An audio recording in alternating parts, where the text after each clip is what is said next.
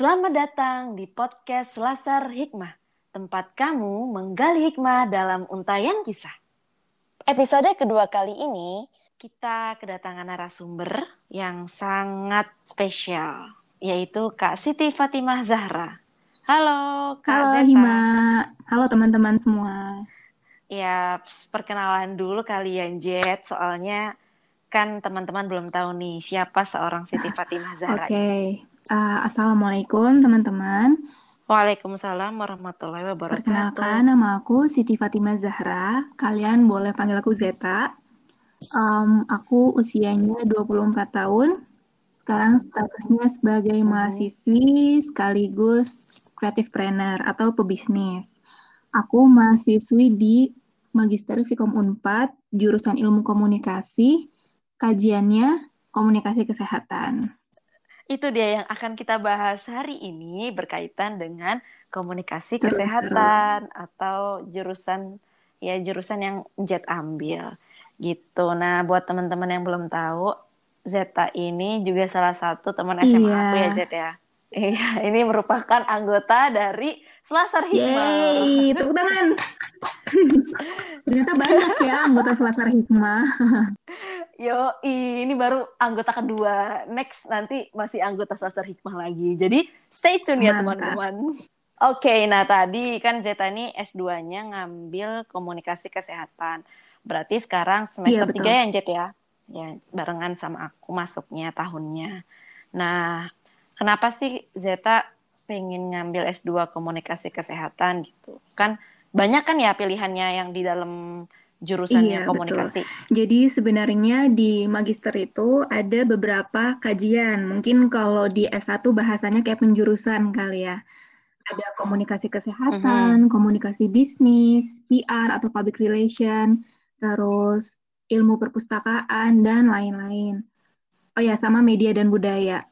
Awalnya kenapa aku pengen Hmm. ambil komunikasi kesehatan ini, terutama kenapa aku ngambil magister ini karena aku ngerasa dari topik skripsi aku ini ada yang belum tergali, ada yang ingin digali lebih dalam, ada yang ingin diteruskan gitu. Dulu kan aku menggali tentang bagaimana orang-orang yang berhenti menggunakan Instagram. Di situ aku banyak menemukan selain eh, konflik-konflik atau permasalahan di bidang media, ternyata ada juga yang sampai menuju ke arah kesehatan mental. Artinya dia berhenti menggunakan Instagram karena mengalami gangguan mental tertentu. Dari situ jadi muncul dong pertanyaan kayak, wah Oh. emang ada apa nih dengan media dan kesehatan mental gitu. Awalnya aku mau ngambil magister tuh di media, cuman kayaknya setelah digali lagi eh, tentang kesehatan mental ini menarik. Apalagi komunikasi kesehatan masih jarang, masih jarang banget diperhatikan baik bagi orang komunikasi sendiri maupun dari orang-orang kesehatan. Jadi sepertinya ini menjadi ketertarikan yang apa ya, yang menurut gue tuh keren banget gitu. Menurut aku keren banget. Gitu. Oh, seperti itu. Jadilah ngambilnya S2 yang Iya komunikasi betul. kesehatan. Tapi kalau di di komunikasi kesehatan sendiri banyak nggak yang ngambil? Hmm, Berapa orang dari tuh? seangkatan tahun ini termasuk banyak. Jadi biasanya komunikasi kesehatan tuh kalau angkatan sebelumnya tuh cuma tiga orang. Kalau sekarang ada enam orang gitu. Hmm. Memang kalau komunikasi kesehatan masih jarang banget gitu kan orang pasti masih asing gitu ya. Pasti orang kalau tahu komunikasi itu jurnalistik, media, dan PR. Iya. Memang itu jumlah peminat yang paling banyak. Jadi tiap angkatan beda-beda sih memang tergantung mungkin perkembangan isu di saat itu kali ya. Kalau kesehatan mental kan kita emang baru aware akhir-akhir ini nggak sih gitu. Jadi mungkin Bener emang di sih. komunikasi kesehatan peminatan komunikasi kesehatan sendiri eh, ada dua atau tiga orang gitu yang membahas tentang kesehatan mental gitu. Oke, terus BTW Mm-mm. lanjut ya. Nah, ini kamu belajar apa aja sih, Jet, di komunikasi kesehatan? Oke, jadi aku juga sebenarnya baru melek tuh semester kemarin nih, baru tahun ini, karena kan sebelumnya masih membahas komunikasi secara umum dan awal tahun eh, mempelajari tentang komunikasi kesehatan. Di komunikasi kesehatan ini kita belajar Hmm. tentang promosi kesehatan, terus promosi kesehatan tuh tuh? biasanya ya, kalau problemnya nih problem, kalau kita ke puskesmas pasti pasti ada poster atau banner tentang dilarang merokok, terus yang menampilkan organ tubuh kayak gitu-gitu. Oh. Nah, oh, itu sebenarnya iya, iya. buatan orang komunikasi juga artinya ketika orang kesehatan membuat itu perlu ditelaah oleh kita orang komunikasi tepat nggak sih kalau kita menunjukkan organ tubuh misalkan ada yang terang-terangan itu kayak organ beneran ada yang mungkin direkayasa jadi dalam bentuk desain grafis dan sebagainya kayak gitu. Jadi bagaimana kita ini menyampaikan kesehatan ilmu kesehatan atau uh, pengetahuan tentang kesehatan kepada masyarakat secara umum dengan uh, audiens tertentu dengan spesifik tertentu. Artinya kita nggak bisa nih, uh, misalkan nih kalau di Bandung mungkin bisa pakai uh, menggunakan media digital untuk menyampaikan informasi-informasi kesehatan. Tapi kalau di daerah perdesaan atau suburban gitu, ya kita nggak bisa, kita perlu media lain. Kita nggak bisa pakai poster karena mungkin mereka nggak akan paham. Kita harus penyuluhan langsung gitu kan, bertemu dengan masyarakat kayak gitu-gitu. Itu hal-hal yang harus diperhatikan bagaimana kita menyampaikan Eh, info-info uh, tentang dunia kesehatan gitu. Nah, terus terus selain promosi terus ada lagi gitu? namanya komunikasi terapeutik. Sebenarnya komunikasi terapeutik ini adalah bagaimana uh, komunikasi dilakukan antara dua orang atau lebih yang uh, menyampaikan tentang informasi kesehatan untuk mencapai suatu hal tertentu. Suatu hal tertentu ini dalam arti kesehatan, maksudnya kondisi sehat gitu ya. Jadi kayak kayak aku ngasih tahu nih kayak ke Hima misalkan, Him kalau mau jaga imun minum empon-empon aja kayak gitu kan. Nah, itu komunikasi terapeutik sedang dilakukan. Hmm. Nah, kalau komunikasi terapeutik ini sebenarnya mungkin udah familiar didengar atau dipelajari oleh orang-orang medis karena memang ini jadi bagian ilmu dari kayak keperawatan, kedokteran dan sebagainya. Ini memang udah berkembang di dunia kesehatan gitu. Terus oh. ada lagi apa ya budaya komunikasi, komunikasi, eh pokoknya ada budaya-budayanya gitu. Jadi kita tuh nggak bisa nih kayak yang tadi aku bilang kalau misalkan kita di perkotaan strategi komunikasinya seperti apa, kalau di perdesaan tuh seperti apa. Karena pada dasarnya budaya ini sangat uh, mempengaruhi atau melatar belakangi proses komunikasi yang terjadi. Kayak misalkan nih, hmm, misalkan ada info tentang orang dengan gangguan jiwa. Tahu nggak sih kalau misalkan di daerah-daerah suburban gitu ya, masih banyak nih orang-orang yang dipasung, orang dengan gangguan jiwa yang dipasung, diikat kakinya, dikurung di suatu ruangan dan sebagainya. Kalau di perkotaan, hal yang kayak gitu udah nggak bisa diterima karena literasi atau pengetahuan tentang kesehatan mentalnya sudah lebih baik. Karena udah lebih banyak penyuluhan-penyuluhan, lebih banyak media yang diakses untuk mencari tahu ini apa sih gitu.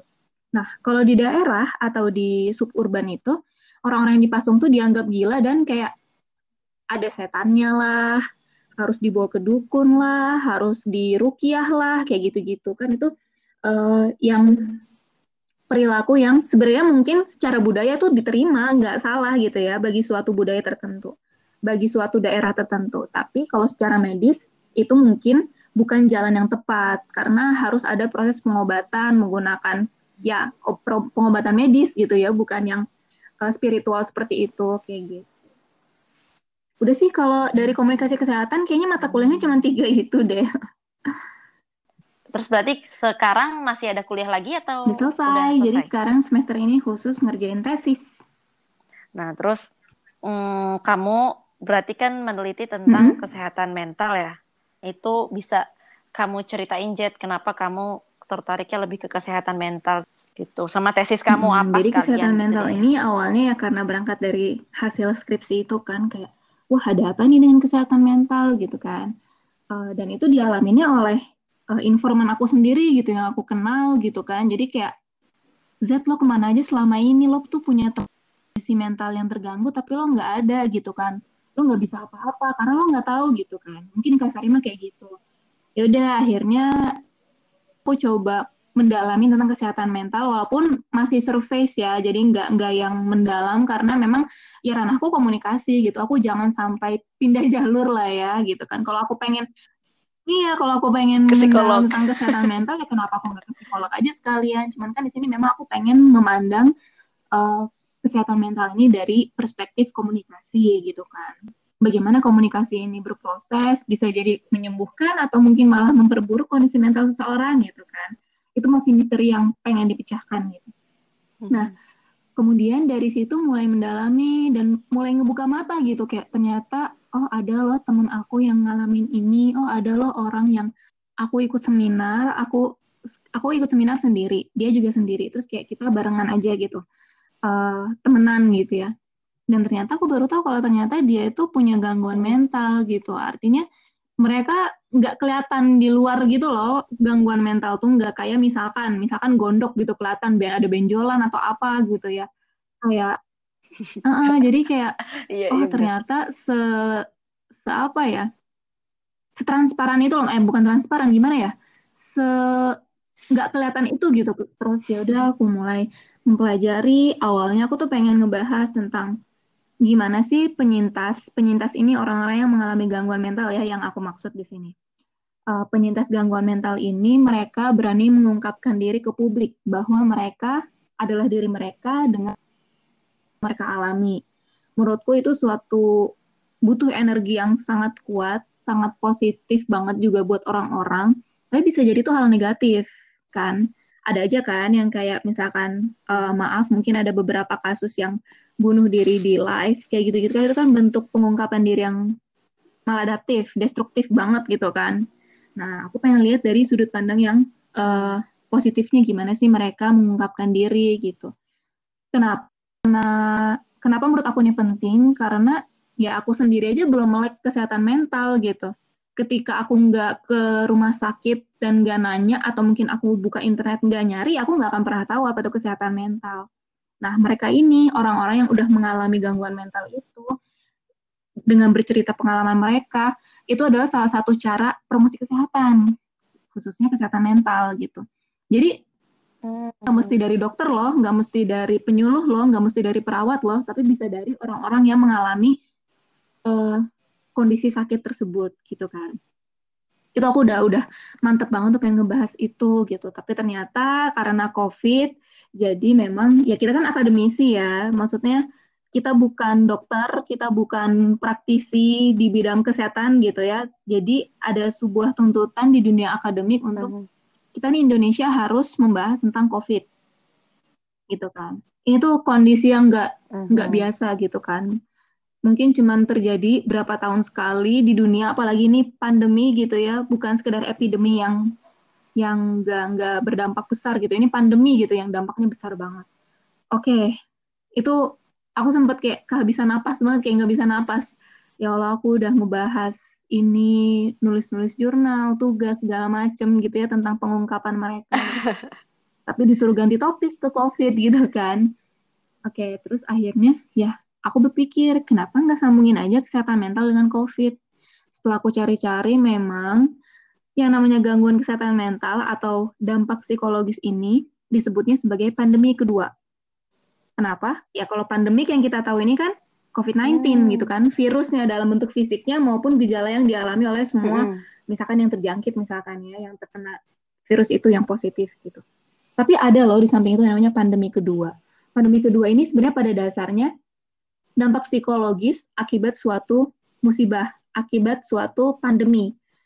Hal ini tuh terjadi bukan bukan hanya pada saat pandemik itu berlangsung, tapi juga setelahnya. Makanya disebutnya pandemi kedua. Kalau pandemi COVID, kita tahu sendiri kalau misalkan nanti mungkin kalau emang ada vaksin dan benar-benar efektif, mm -hmm. oke, okay, uh, virus ini bisa diredam sekian puluh persen gitu ya. Tapi kalau misalkan kesehatan mental atau hmm. dampak psikologis, itu bukan sesuatu yang bisa diobati dengan obat apa kayak vaksin terus sembuh gitu kan. Nggak bisa. Karena kesehatan mental ini uh, mm. apa ya kondisi yang dipengaruhi oleh baik itu biologis uh, atau fungsi tubuhnya orang tersebut maupun sosial. Jadi ketika pandemi ini selesai, udah misalkan alhamdulillah gitu ya udah udah ada vaksinnya, udah pada bisa kebal gitu tapi masih ada stigma-stigma, masih ada ketakutan-ketakutan, masih ada berita-berita yang mengkhawatirkan, itu bisa terus berdampak buruk bagi individu. Makanya uh, bagi psikologisnya individu. Makanya kenapa disebut pandemi kedua gitu. Nah, di sini tesis aku ini pengen membahas sebelum kita membahas pandemi kedua itu atau pasca pandemi gitu ya, setelah pandemi ini berakhir, aku pengen membahas nih mm-hmm. gimana sih teman-teman penyintas yang sebelum pandemi ini mereka udah mengalami gangguan mental, mereka udah punya gangguan mental nih. Terus selama pandemi ada dampak psikologis lagi gitu. Ngeganggu mental mereka kan jadi kayak dua kali lipat gitu ya. Tapi apa sih yang bikin mereka bertahan sampai detik ini gitu? Ya seperti kita tahu kalau misalkan gangguan mental mungkin paling parah-parahnya gitu, nauzubillah berujung ke bunuh diri. Nah, aku nggak mau itu terjadi, makanya aku pengen ngangkat topik ini supaya gimana teman-teman penyintas ini nunjukin loh kalau mereka ini kuat gitu. Mereka ini kuat, penyintas lain yang mungkin nanti nggak jadi nggak jadi informan aku juga mereka jadi termotivasi kalau oh gue juga bisa loh hidup kayak mereka. Dan kita nih yang mungkin gak ngalamin gangguan mental, juga bisa lebih antisipasi diri supaya nggak kena dampak pandemi kedua itu. Kayak gitu. Makanya menurut aku ini penting banget dibahas hmm. sekarang supaya sebagai apa ya bentuk pengobatan saat ini maupun antisipasi di masa mendatang. Supaya kita tuh lebih aware gitu sama diri kita. Kita tuh nggak cuman bisa minum obat-obatan buat jaga imun doang gitu. Karena itu uh, di satu sisi memang berdampaknya ke uh, apa ya menjaga diri dari pandemi COVID-19. Tapi itu juga bisa jadi uh, menjaga diri dari pandemi kedua ini. Karena kan kalau kita lebih minum obat itu kan lebih mungkin lebih tenang, lebih ngerasa terjaga dan sebagainya.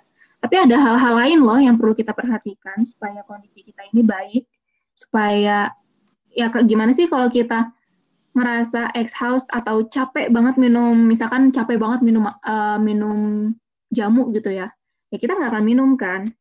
Nah exhaust atau kelelahan yang berlebihan ini salah satu dampak dari pandemi kedua artinya kita harus menjaga baik itu kondisi tubuh biologis maupun mental gitu hmm, keren banget kayak aku ngebayanginnya dengerin tesis kamu tuh ini tuh Jet apa ya sangat aplikatif gitu kan ke masyarakat yeah. di masa pandemi sekarang ini kan. Soalnya kayak lagi emang lagi apa ya, lagi booming juga nggak sih yeah, iya, uh, masalah kesehatan mental ini. Kayak orang-orang yeah. kan jadi semakin Dan memang ada buktinya gitu, gitu ada ya. datanya gitu. Baik itu yang orang yang tadinya kerja jadi nggak kerja, mm -hmm. atau yang tadinya biasa pergi-pergi jadi orang tua yang nggak biasa ngajar anaknya jadi harus ngajar anaknya itu kan kayak semua orang mengalami perubahan cepat ini gitu. Artinya yeah. kita harus mengantisipasi buat ke depannya jangan sampai ada memang kalau misalkan dari beberapa penelitian atau dari beberapa uh, sumber uh, yang paling berpotensi muncul itu adalah gangguan mental PTSD atau post traumatic stress disorder. Jadi kayak iya trauma yang muncul pasca kejadian tertentu gitu dalam konteks ini adalah pandemik. Jadi bisa jadi setelah ini kita hmm. jadi uh, apa ya trauma naik bis misalkan karena di bis pernah ketemu orang yang positif terus meninggal misalkan kayak gitu. Terus ada lagi misalkan trauma uh, pakai oh, masker iya. kain karena kan aku sih baru baca berita tuh kayak dia sampai infeksi gitu kan si apa kulitnya sampai dioperasi kayak gitu-gitu. Maksudnya kayak itulah hal-hal yang hmm.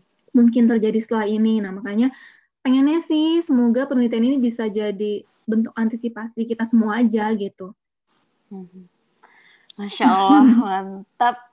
Nah lanjut ya Jet, tadi kan berarti Zeta informannya nih teman-teman penyintas kesehatan mental ya? Iya. Nah itu uh, mungkin lebih spesifiknya dapat informannya tuh dari mana gitu Jet? Berangkat dari yang dulu aku ikut seminar itu, kan di situ aku ketemu satu sampai tiga penyintas yang ternyata penyintas gitu ya yang aku nggak tahu gitu ya udah aku mulai kontak di situ uh, nanya-nanya mau nggak jadi informan dan kebetulan memang uh, untuk dua orang itu udah pernah aku wawancara sebelumnya untuk memenuhi tugas aku yang lainnya. Jadi ya udah, ada kontak lah ya udah ada komunikasi kayak hmm. WhatsApp temenan di Instagram kayak gitu-gitu.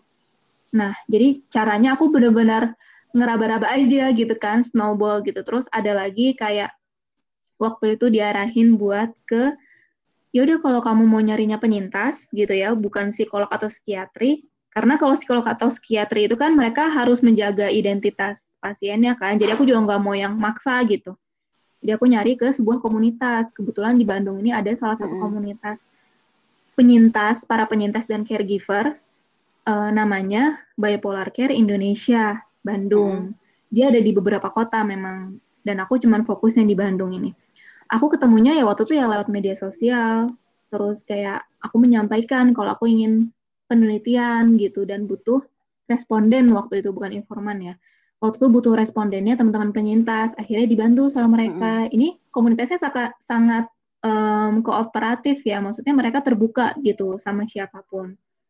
Dan memang aktif juga mereka banyak kegiatan-kegiatannya gitu. Mm.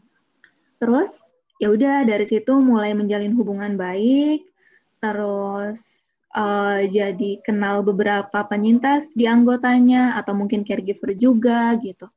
Sambutannya sangat hangat, jadi aku juga nyaman gitu penelitian di sana. Bukan sekedar kayak penelitian, eh gue butuh data dari lo nih nggak kayak gitu, tapi kayak ya udah sebagai teman aja gitu. Karena mereka menyambut baik, bahkan kemarin sempat uh, kita kolaborasi aku dengan BCI ini ngadain workshop pelatihan kerajinan hmm. tangan. Ya sebenarnya itu cuma bagian dari kemampuan kecil aku aja sih yang bisa aku share ke mereka gitu. Karena mungkin dengan art dengan kerajinan tangan dengan melakukan suatu aktivitas produktif itu bisa lebih memperbaiki well-being mereka gitu. Lebih mengangkat uh, lebih memperbaiki mood mereka mungkin gitu.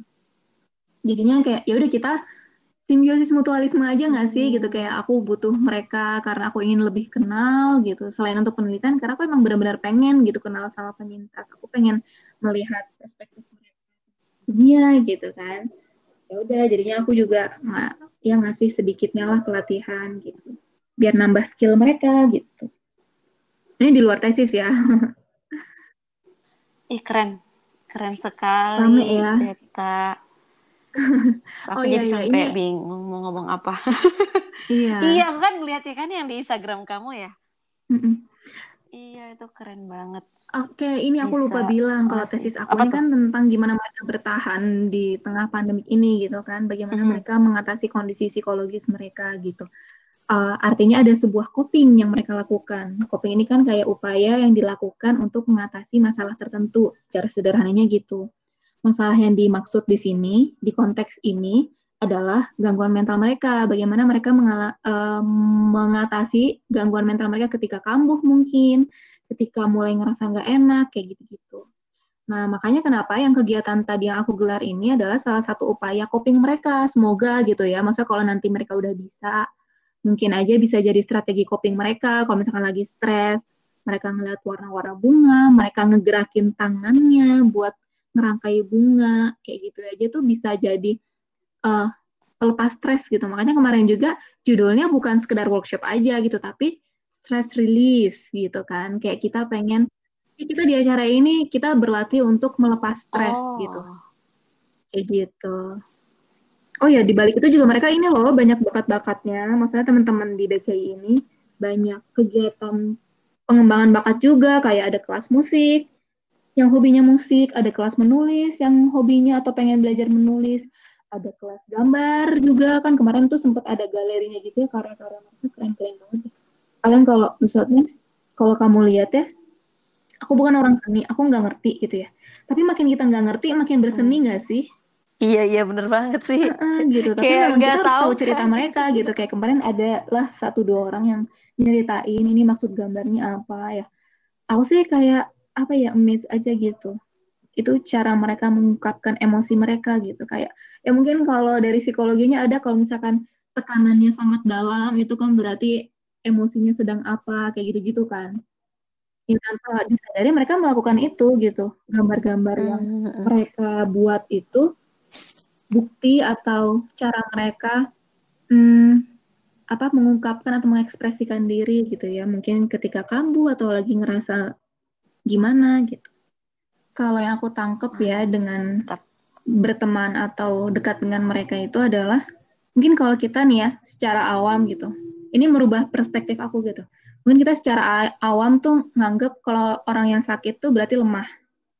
Entah itu imunnya atau mentalnya atau apa gitu ya. Pasti kan secara umum mikirnya hmm. gitu kan, ah lo lemah sih kayak ah lo lemah iman sih makanya jadi depresi ah lo lemah nggak nggak kuat apa nggak nggak bisa ngadepin masalah sih jadi lo kayak gini kan katanya mereka lemah gitu ya tapi dalam konteks hmm. ini ketika aku benar-benar mempelajari tentang hmm. penyintas justru sebenarnya tuh mereka orang-orang yang kuat gitu pertama mereka dikasih berkat atau apa ya mukjizat lah ya dalam bentuk gangguan mental itu gitu ya karena dengan ujian itu mereka jadi kuat gitu. Orang kalau yang nggak dikasih ujian mungkin ya biasa-biasa aja nggak sih gitu kan. Tentu bisa sekuat itu gitu. Nah mereka tuh kuat karena mereka iya, udah bener. mengalami mungkin masa-masa sulit gitu. Dengan versinya masing-masing ya. Sulitnya tuh ya kalau diceritain suka nggak tega juga sih. Maksudnya kayak uh, kadang orang lain memperlakukan mereka nggak manusiawi, diskriminatif dan sebagainya gitu. Yang kita juga ya Allah sedih banget sih gitu tapi ngelihat pribadi mereka gitu ya ngelihat indi mereka sebagai individu sebagai penyintas gitu. Mereka tuh sebenarnya orang-orang yang kuat gitu. Mereka mampu bicara di publik pun itu hal yang kuat. Mereka mampu atau mau gitu bergabung dengan komunitas aja tuh sebuah kekuatan bagi mereka gitu. Bener ya. banget sih. Kayak nggak semua orang nggak sih bisa hmm. Hmm, apa ya, ya menyatakannya gitu. Nah, bagusnya dengan adanya komunitas ini, dengan adanya penyintas-penyintas yang berani speak up gitu, yang mereka berani melawan stigma, mereka berani uh, berusaha produktif untuk well-being mereka gitu. Itu bakal membawa kekuatan buat kita semua gitu.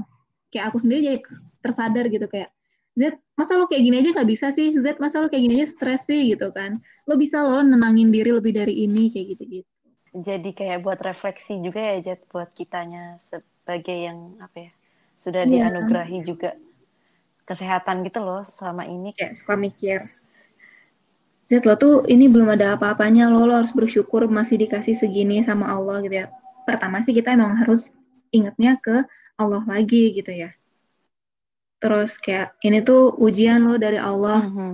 Coba lihat mereka gitu, mereka aja bisa gitu. Masa lo nggak bisa kayak gitu loh. Kadang suka yang ngomong self talk aja gitu loh, kayak jadi ingat mereka juga gitu teman-teman yang mengalami gangguan mental. Iya iya. Kayak gitu. Oke, asli mantap ini nggak terasa udah sampai berapa puluh menit nih. Jadi teman-teman mungkin yang mendengarkan podcast ini baik yang penyintas lah, care caregiver lah atau uh, siapa pun itulah, semoga bisa mendapatkan manfaat Terus mungkin yang di domisili Bandung ya kalau misalkan mau join-join juga bisa ya Jet ya di di mm -hmm. apa namanya Bipolar Care Indonesia Bandung ya. Kamu ada mau satu pesan gitu kah buat pendengar setiap okay, podcast okay. Laser Hikmah? Jadi uh, kalau aku pengen berbagi perspektif lah ya, bukan quotes atau apa gitu. Uh, jadi yang tahu mm -hmm. kondisi mental itu adalah diri kita sendiri gitu ketika kita bisa menerima kondisi yang kita alami, kita terima kalau kita lagi stres, kita terima kalau kita lagi sedih, kita terima kalau lagi marah, itulah satu langkah yang bisa mengarahkan kita ke kesadaran kesehatan mental. Artinya semakin sendiri bukan dalam artian egois ya, tapi kita menyadari apa yang terjadi dengan diri kita, itu adalah tahap yang uh, mengantarkan kita untuk menuju kondisi sehat mental yang lebih baik. Dalam konteks ini adalah bagaimana kita berkomunikasi dengan diri sendiri. Kayak yang tadi aku lakuin, kayak self-talk, terus melakukan hal-hal yang aku suka, itu adalah salah satu bentuk komunikasi dengan diri sendiri. Artinya berkomunikasilah dengan diri sendiri supaya kita lebih mengenal diri sendiri dan bisa meningkatkan atau memperbaiki kondisi mental kita dalam artian ini luas ya kondisi mental ketika kerja, ketika kuliah, ketika menghadapi suatu masalah, bisnis segala macam gitu. Jadi ketika kita akan menghadapi suatu persoalan, kita hmm. komunikasi dengan diri sendiri. Kita kenali kemampuan kita di mana, kemamp batas kita di mana, apa yang bisa kita lakukan dan lain-lain gitu.